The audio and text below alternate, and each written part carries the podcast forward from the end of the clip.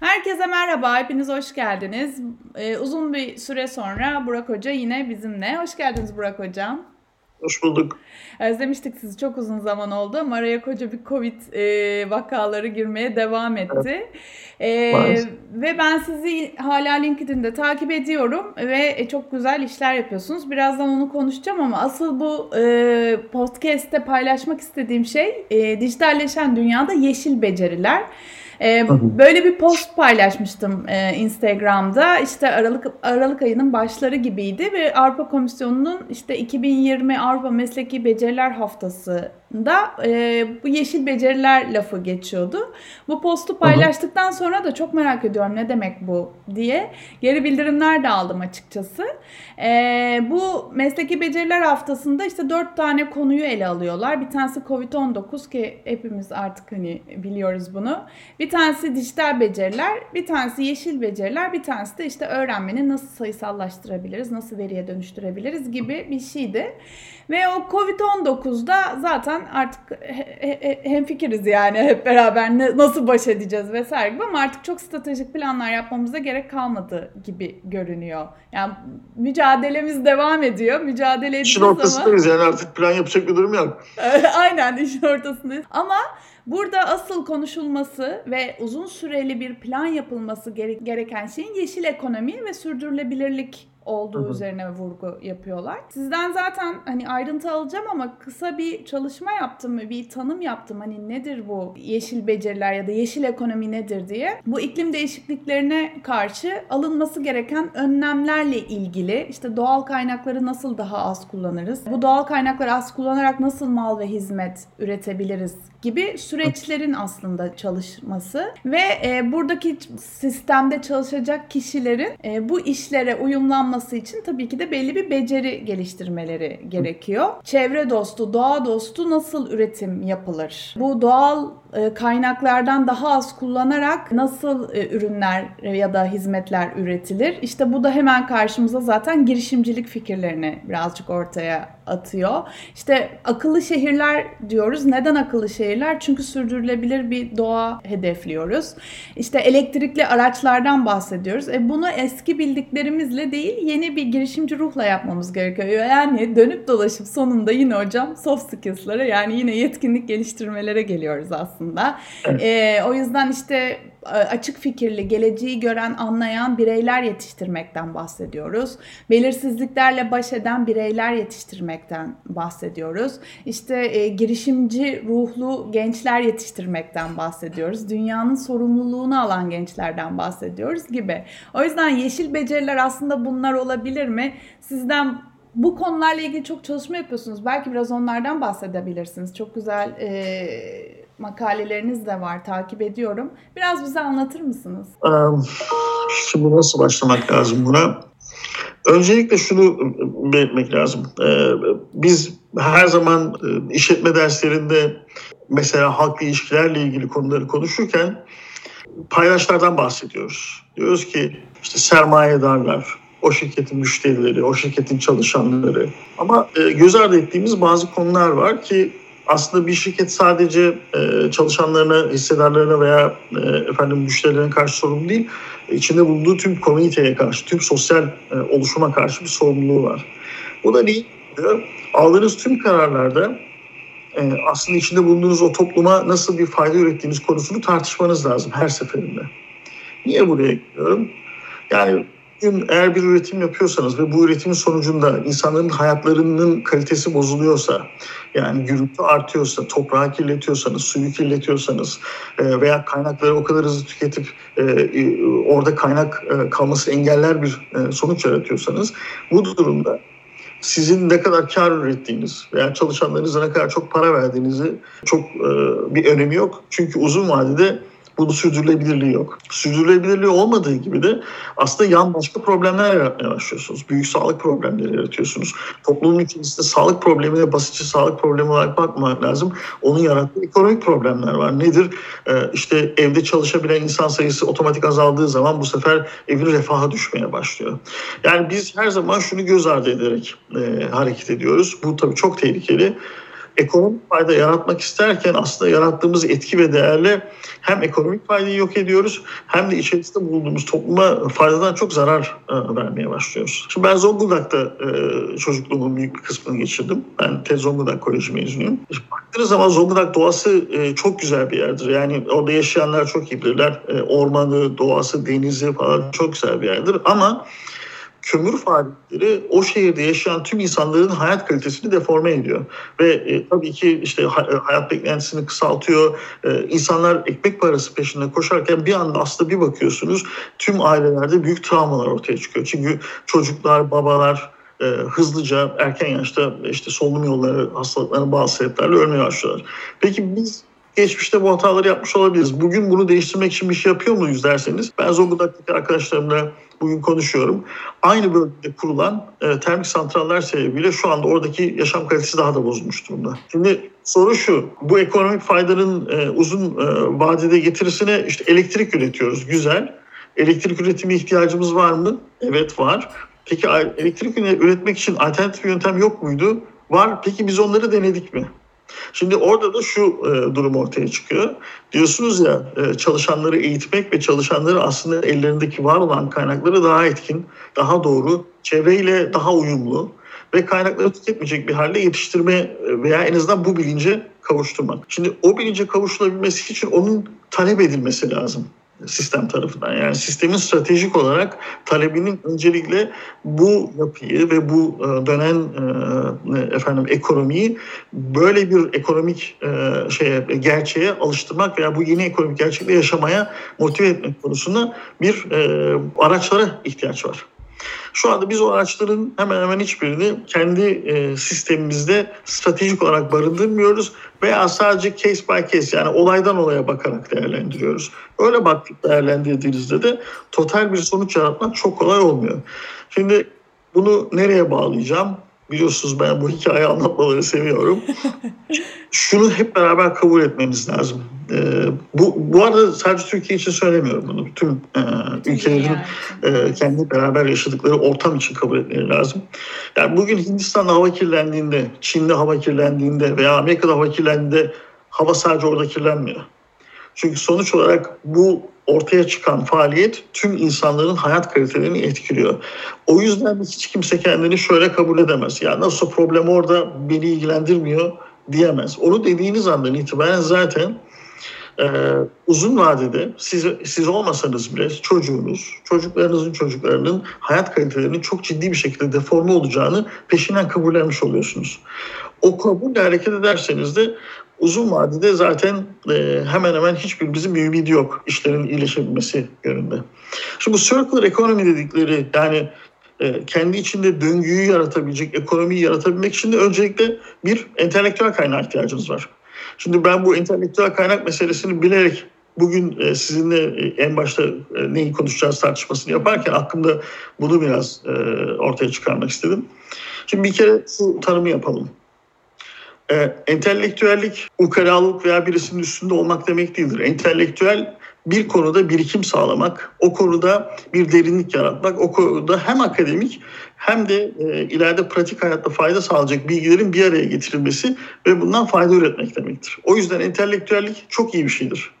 Ve bir ülkenin entelektüellik seviyesi yükselirse ve entelektüel seviyesi yükselirse o ülkenin ileriye doğru hem kendisini ileriye taşıma hem de refahını yükseltme imkanı çok yükselir. O yüzden mümkün olduğunca entelektüel insan sayısını artırmak ve bu sermayeyi büyütmek lazım. İkincisi dünyanın hiçbir ülkesinde eğitim kalitesi deforme olduğu için daha ileriye ekonomik bir faaliyet sağlandığı görülememiş. Yani bir ülkenin ileriye gidebilmesi için eğitim kalitesinin mümkün olduğu yukarıya çekilmesi lazım. Üçüncüsü, üniversiteler özgün tartışma ortamları olarak adı üzerinde zaten hani bir universal yani bir e, efendim ne diyelim geniş tartışma ortamının yaratılması için e, var olan eğitim kurumlarıdır. Eğitim derken üniversiteye gelen bir insanı ve hatta üniversiteden sonra e, efendim master ve doktora seviyesine giden insanların zaten belli bir konuda sadece örgün eğitim yani bir oturup kitabı okumasını veya makale yazmasını beklemiyoruz. Aksine fikir üretmelerini, ileriye doğru yeni fikirler yaratmalarını, araştırma yapmalarını bekliyoruz. O yüzden de daha çok makale üretmek, daha çok makaleyi daha özgün ve orijinal fikir üretmek. Bu orijinal fikirleri mümkün olduğunca e, beraberce tartışabilme ortamı yaratmak e, hayat kalitesini artıran bir şey. Niye bunu söylüyorum? Dikkat ederseniz ekonomik faaliyetle üretilen akademik e, içeriğin e, bir paralelliği var. Yani geçenlerde e, bir istatistik paylaştım. E, şu anda e, Çin, işte Amerika, Hindistan ve birkaç ülke lead ediyorlar. Yani en fazla akademik içerik üreten ülkeler bunlar. E Çin'in bir anda ekonomik olarak çok ileriye gittiğini görüyoruz. Şimdi ben şu sorunun da gelebileceğine eminim. Çin efendim demokratik uygulamalar bakımından çok özgür bir ülke midir? Değildir. Ama en azından akademik ortamda bu gelişmenin sağlanabilmesi için yaratılmış bir ortamın olduğu da tartışmasız.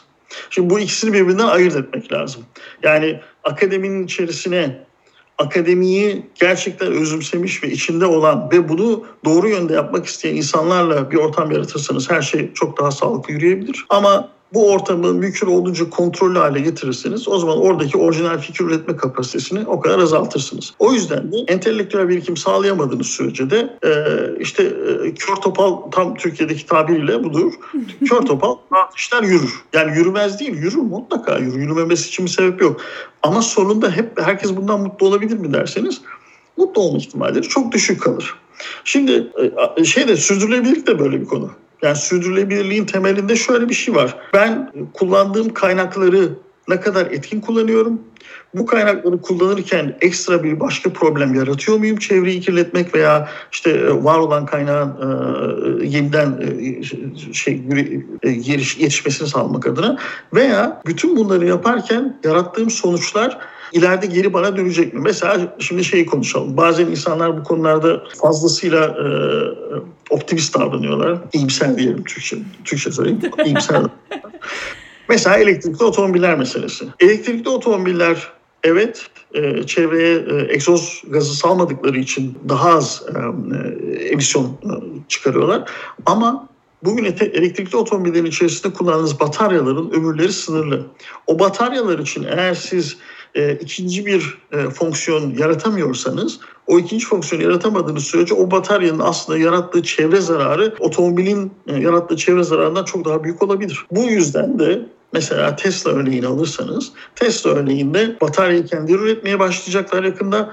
Batarya üretirken de bataryanın ikinci kullanımı için bunu ileride enerji e, depolama kullanmak e, amaçlı e, arabaların içerisinden alıp yeni arabalar, yeni bataryalarla değiştirip eski bataryaları da başka bir ikinci amaçla, üçüncü amaçla kullanacaklar. Ve o yüzden de şu anda batarya teknolojisi konusunda büyük bir mücadele var. Yani çevreye daha az zarar verecek, daha sürdürülebilir kaynaklarla e, ortaya çıkarılabilecek ama aynı zamanda uzun ömürlü olabilecek bir e, batarya teknolojisi. Sadece bataryanın kendisi mi? Hayır.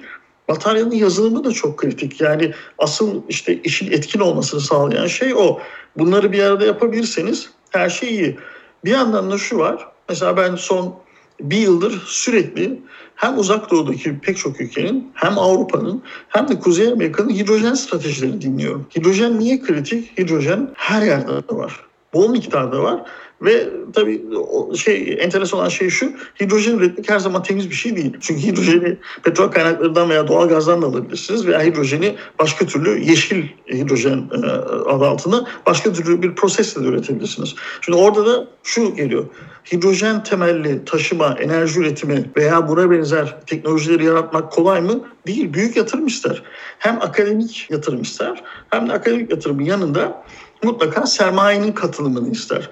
Şimdi bütün bunları bir araya getirebilmek için de sizin büyük bir strateji yazmış olmanız lazım. Şimdi tekrar dönüyorum hani insanların hem stratejik olarak burada olmaları, eğitimsel olarak aynı e, seviyede olmaları, e, sermayenin ve iş sahiplerinin e, bu ekonomiyi ayakta tutmak konusundaki isteklikleri bütün bunların bir araya gelmesi bir sonuç yaratır. Şimdi üniversitenin involvement'ını yapmıştım. Yani üniversite bu işin içinde yer alması neden kritik diye sorarsanız şu. Biz üniversiteleri genelde sadece eğitim alınan alanlar olarak e, görüyoruz. Şimdi üniversitelerle ilgili önemli kritik konu şu. E, üniversiteler sadece eğitim kurumları değil. Aslında üniversiteler e, fikirlerin üretilebilmesi, fikirlerin ileriye götürülebilmesi ve araştırma yapılması için e, e uygun e, ortamlar. O yüzden de üniversitelerin aktif olarak içinde bulundukları topluma bir fayda yaratmaya başlamaları lazım. Yani bizim maalesef e, ben de Türkiye'de uzunca süre e, eğitim verdiğim için gördüğüm şey şu.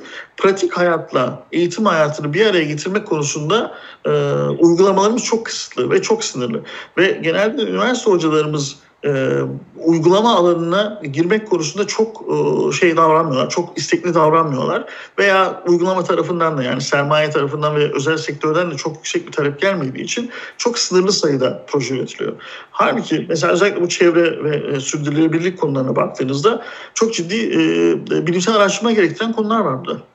Yani hem ülkenin kendi şartlarına özel, işte yaşadığınız topraktan tutun da üretilen ürünlere kadar pek çok şeyin lokalde orada bakılması lazım. Yani başka bir yerden aldığınız bir teknolojiyle çözmeniz pek mümkün olmayabilir.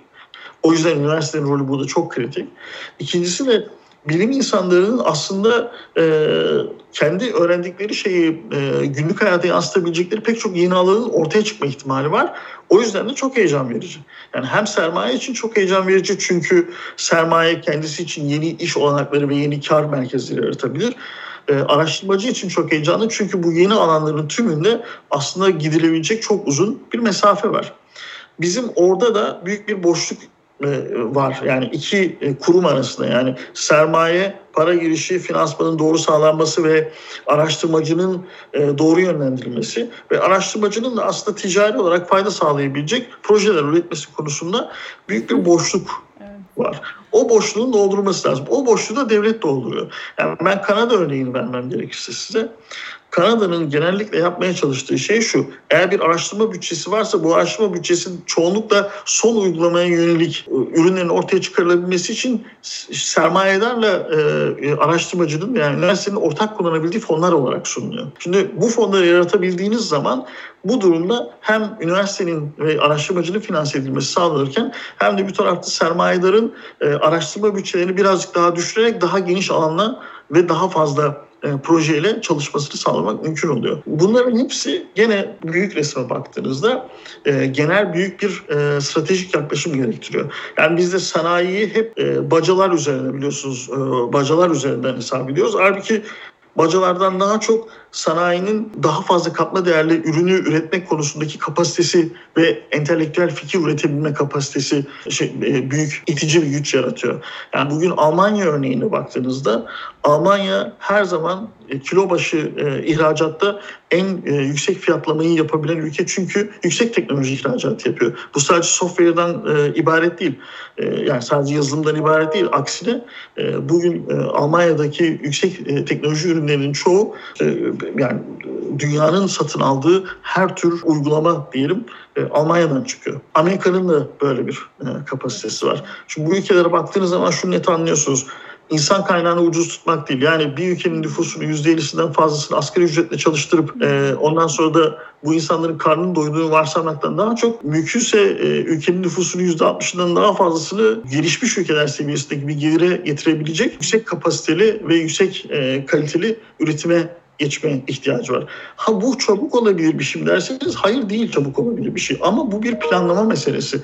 Yani şunu konuşuyoruz ya hep Kore örneğini, Vietnam örneğini, işte e, Malezya örneklerini konuşuyoruz. Bu örneklerde baktığınız zaman başladığımız yerler üç aşağı beş yukarı aynı. Vardığımız son nokta birbirlerinden farklı. Çünkü uygulama ve planlama tamamen birbirinden farklı, büyük bir farklılık gösteriyor. O zaman o yüzden de... evet yani şunu anlıyorum. Bireysel yapılacak bir şey yok. Bu bir devlet politikası olmalı. Bu bir bu bir devlet politikası bu bir olmalı. strateji olmalı gerçekten. Evet, stratejisi olmalı ve, ve bunun tamamlayıcı unsur olarak eğitim kurumları, sermaye sahipleri, e, sermaye sahibiyle beraber e, işte e, efendim e, katma değer üretebilecek diğer NGO'lar yani kar amacı gütmeyen ama evet. amacı e, bu sistemi geliştirmek olan kurumların bir arada çalışmaya ihtiyaçları var. Örgütlü Ve bunların belli bir plan, evet. evet örgütlü bir planlamaya ihtiyaç var. O örgütlü planlama sağlanabilirse mesela dediğiniz e, öğrencileri yetiştirmesi meselesi bile bunun bir parçası. Çünkü eğer iş alanlarını yaratabilirseniz ve o iş alanlarında insanlara belli refah seviyesi sağlayabilirseniz isteseniz de istemeseniz de insanlar oraya doğru e, kayıyorlar. Çünkü evet. burada bir fırsatın yaratıldığını görüyorlar. Yani bugün şu anda Türkiye'de e, sizinle daha önce konuştuk e, oyun şirketleri satılması e, veya yani satılma evet, faaliyetleri evet. arttıktan sonra bütün sektör zaten küçük bir sektör değildi ama daha da patladı. Çünkü insanlar oradaki fırsat alanı gördüklerinde o fırsattan kendileri de bir pay almak istiyorlar. Meseleyi sadece çok e, sosyal fayda üzerinden değil, aksine yaratılan ekonomik fayda üzerinden de e, görerek söylüyorum. Yoksa ee, bugün insanlara sadece deseniz ki ya işte şey çok önemli, e, sürdürülebilirlik çok önemli, işte efendim çevreyi korumamız lazım. Bu insanlar için bir şey ifade etmiyor. etmiyor. Evet, ee, evet. Ben en son yazdığım makalede de şunu söyledim. İnsanların temelde belki de anlamakta en zorluk çektiği veya daha doğrusu anlatanların yanlış anlattığı konu şu. Bir çevre problemi diyorlar. Hayır problem çevre problemi değil. Problem ölüm kalım meselesi. Yani eğer bu sorunu çözmezseniz hep beraber öleceğiz. Merak etmeyin yani o, o, o arada hiçbir ayrım olmayacak bu arada. Cahil, zengin, fakir falan hiçbir ayrım olmayacak.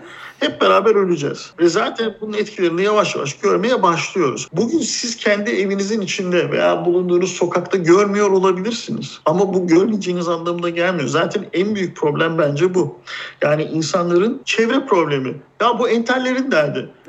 Hayır. yani bu e, efendim entel, e, efendim çok bohem yaşayan, e, aklını fikrini e, kediye, köpeğe, e, hayvana takmış insanların problemi değil.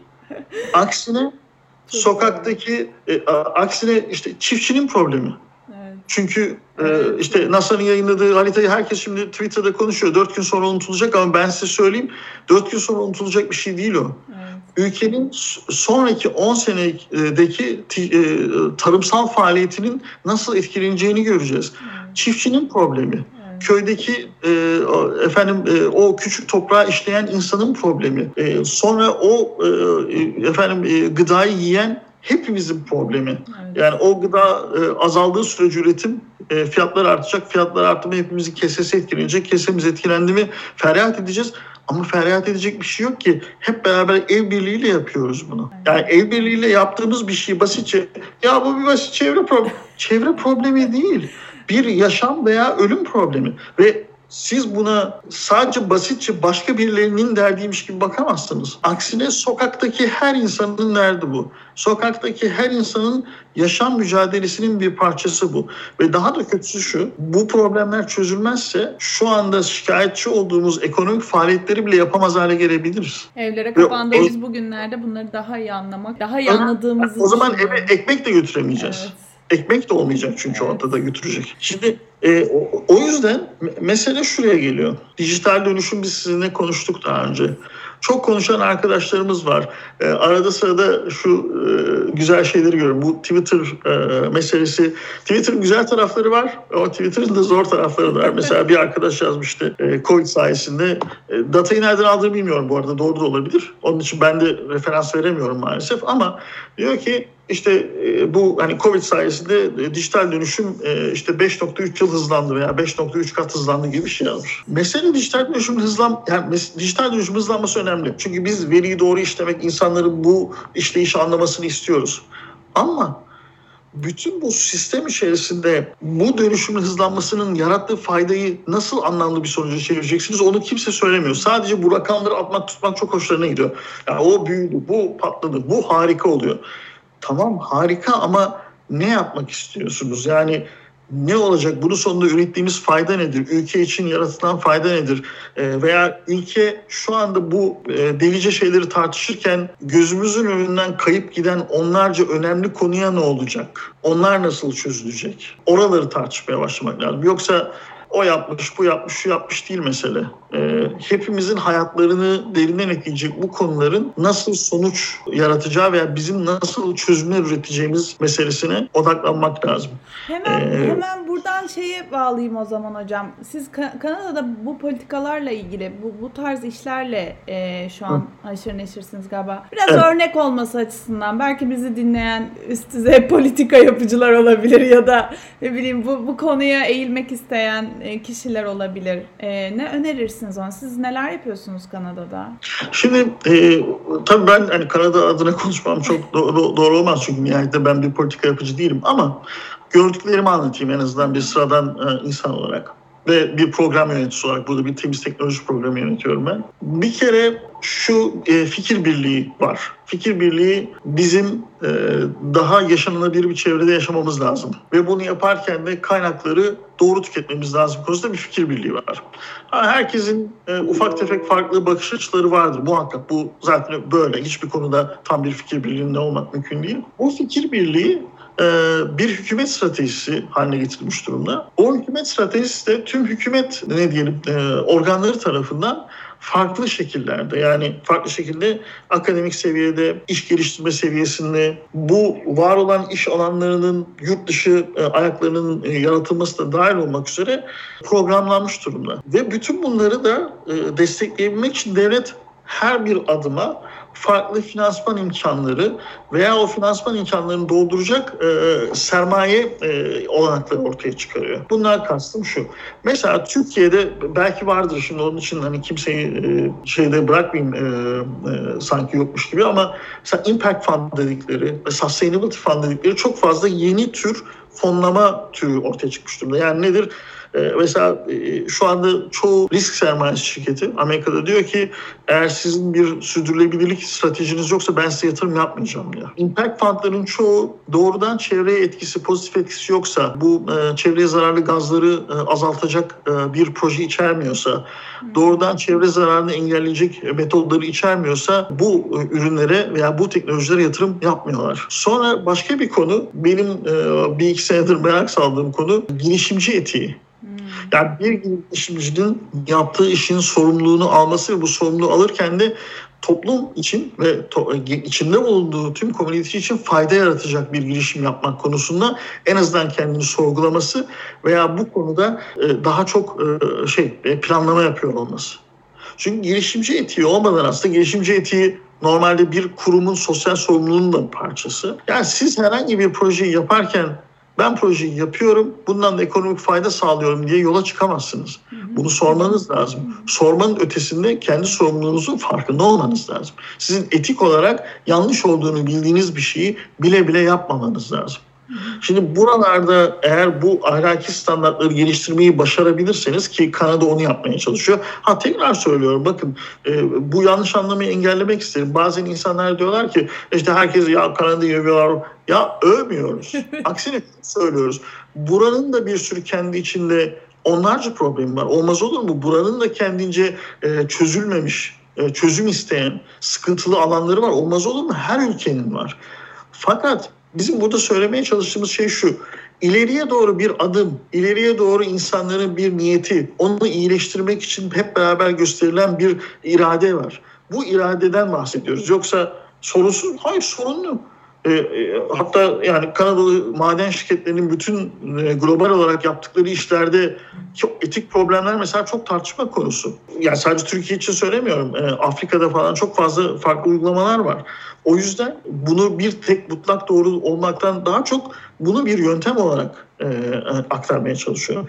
Bu yöntemlerin bir kısmını doğru uygulamayı becerebilirsek biz de aynı benzeri alanları kendi içimizde yaratabiliriz. Hatta eminim şu anda üniversitelerin bununla ilgili bölümleri falan var ama etkin olarak ticari hayatın içinde veya uygulamaların içerisinde değiller. Zaten kritik olan konu da o. Evet yani bunu bir ders olarak koymak yerine yıllık yani bütün eğitim hayatı boyunca uygulayacakları bir e, protokole çevirmek gerekiyor aslında. Anlayış, Sadece, bir, bir evet, ahlaki evet. anlayış veya bir evet. e, e, etik kriter olarak e, algılamak lazım. E, daha da e, ötesi şu bakın. Siz bir turizm işletmecisiniz diyelim. O kumsalın korunması, o su kaynağının korunması, doğal çevrenin sağlam kalması aslında herkesten çok sizin sorumluluğunuz. İşte e, biraz evvel bahsettiğim çiftçiyseniz, köylüyseniz, kendi işlediğiniz toprağınız varsa o toprağın belli bir kalitede kalması, kirlenmemesi, doğru gübreyle gübrelenmesi bunlar sizin sorumluluğunuz ve daha da ötesi bu sorumluluğu yerine getirerek aslında kendi ekonomik faaliyetlerinizi de uzun vadede korumuş oluyorsunuz. Sokakta e, yani normal büyük şehirde yaşayan insanlar için yeşil alanların korunması, yeşil alanlarla beraber aslında e, şehrin içerisinde yapılan tüm bina, altyapı ve hepsinin e, sürdürülebilir bir ekonomik bütünlüğünün olması kritik. Bu sadece ben bina yaptım, çok güzel bina yaptım demek de olmuyor ki. Evet, evet. Yani bina yapmayın demiyorum ihtiyaç varsa yapılacak. Çaresi yok. Ama binayı yaparken neleri düşündünüz, ne kadar ayrıntısına girdiniz bu çok kritik. Şimdi biz e, bazı şeyleri, bazı eleştirileri arkasına bakmadan ön yüzünden alıp ondan sonra onlarla çatışmaya başlıyoruz. Ben diyorum ki çatışmaya başlamadan önce işte o tekrar üniversiteye geliyor, üniversite eğitimine geliyor. Çatışmaya başlamadan önce o fikrin derinde bize ne söylemeye çalıştığını anlamak. Hem fikir olmayabiliriz, katılmayabiliriz ama en azından katılmadığımız şeyin ne olduğunu doğru anlamak. Çünkü katılmadığımız şey ileride bir gün bize başka bir konuda fikir verebilir. Bizim bu konudaki olgunluğumuz çok zayıf olduğu için. Şimdi e, geçen gün arkadaşlarla konuşuyorduk. Dediler ki sen orada sakinleşmişsin Burak dediler. Sebebini de söyleyeyim. Çünkü burada kimse çatışmaya çalışmıyor öncelikle. öncelikle anlamaya çalışıyor. Sonra çatışmaya çalışıyorsunuz. Sonra e, yani mesela bu bu kritik bir konu. Bizim e, İstanbul hatırlayarak söylüyorum. İstanbul'da her saniye bir gerilim vardır. Trafikte, sokakta yürürken insanların birbirlerine bakması. Mesela hep aynı şeyi söylüyorum. Burada insanlar yürürken ne bileyim bir adam bir kadına iyi günler diyebilir, merhaba diyebilir. Mesela sırada beklerken sırf laf olsun diye işte ne bileyim işte bugün de hava çok güzel ilgili bir konu açabilir. Türkiye'de bir, bir kadına böyle bir şey söylerse e, sorunlar olabilir yani. Ya bu anlattıklarınızla evet. bir arkadaşım çok güzel bir şey söylemişti. Biz böyle e, farklı çözümler bulacak farklı e, çalışmalar da yapıyoruz vesaire diye. Hani entelektüel yalnızlık diye bir kelime geçmişti aramızda. Hı hı. E, siz bunları anlatınca hani entelektüel birikim deyince bizim Türkiye'de yaşadığımız galiba entelektüel birikim değil entelektüel yalnızlık oluyor. Çok güzel söylediniz yani bunu sadece hani entelli, çevre problemi entelektüellerin problemi değil hepimizin problemi diye ama biz bunu işte e, hissettiğimiz şey yalnızlık oluyor. Anladığım kadarıyla özet yani bizim gerçekten çok uzun yolumuz var ve bunları daha konuşacak yere gelmiş değiliz gibi. Ee, umarım çorbada tuzumuz olur. Bu podcastle beraber hani bir şeyler değişir. Ee, benim aklıma ilk gelen yol şu oldu. Hani öğretmenlerin bu farkındalığı biraz daha arttırması ve biraz daha bu noktada eğilmesi, dünyada gidenleri giden bu yeşil ekonomilerle ilgili yapılması gerekenleri takip etmesi ve çocukları bunlara e, motive etmesi. Ben öyle anlıyorum. Ne dersiniz? Yani, özetle söyleyebileceğim şey şu, sizin sizin söylediklerinize e, refer ederek söylüyorum. Bu uçtan uca planlanması gereken bir konu. Az hatırlarsanız bunu dijital planlama, dijital e, dönüşüm e, planlaması konusunda da konuşmuştuk. E, yani e, bir çocuğun e, çok küçük yaştan itibaren neden bir şeyleri yapması yani sadece çevreyi korumak değil hep bu çevreyi korumak lafından çok e, şey oluyorum e, alerji kapıyorum çevreyi korumak değil kendi hayatımızı korumak ve kendi hayatımızın devamlılığı konusunda bir aksiyon almak üzere bir e, etik e, değerlerle donanması lazım. O etik değerler zaman içerisinde akademik bilgiye, işte iş hayatında daha sürdürülebilir ekonominin yaratılmasına, yeşil ekonomilerin yaratılmasına fayda sağlayabilir ama sonuç olarak bilincinizin içerisinde bunu başka birisinin problemiymiş gibi algıladığınız sürece o problemi çözmek konusunda bir e, istek göstermeniz çok kolay değil. Bu süper yani bir bireysel öncelikle... bir şey çözüm oldu hocam. Çok güzel, çok doğru. Yani kendi problemimiz olarak algılamamız lazım. Bireysel yapabileceğimiz en büyük adım bu olacak gibi. Bu bizim problemimiz. Hep beraber çözmeye ihtiyacımız var. Hocam ağzınıza sağlık. Yine geçtik 20 dakikayı. Çok teşekkür ederim. Çok uzun oldu. Bu değerli vaktinizi ayırdığınız için. Ee, ben yine sizi rahatsız etmeye devam edeceğim. Burada sözünü alayım. yine farklı, farklı konularla sizinle tekrar konuşmak istiyorum. Çok teşekkür ederim. Son olarak söylemek istediğiniz bir şey var mı hocam? Herkes kendine çok iyi baksın. Herkese bol sağlık e, diliyorum. Bir kere daha anladık ki e, sağlıklı bir çevre içerisinde yaşamak her şeyden daha önemli. Evet hele yani evimize veya sadece kendi çevremize kısıtlı kaldığımız bir zaman içerisinde. O yüzden o çevreyi doğru şekilde korumak, onunla beraber yaşamak bizim için hepimiz için önemli. Çok, çok teşekkür ediyorum. Görüşmek üzere hocam. Hoşçakalın. İyi akşamlar.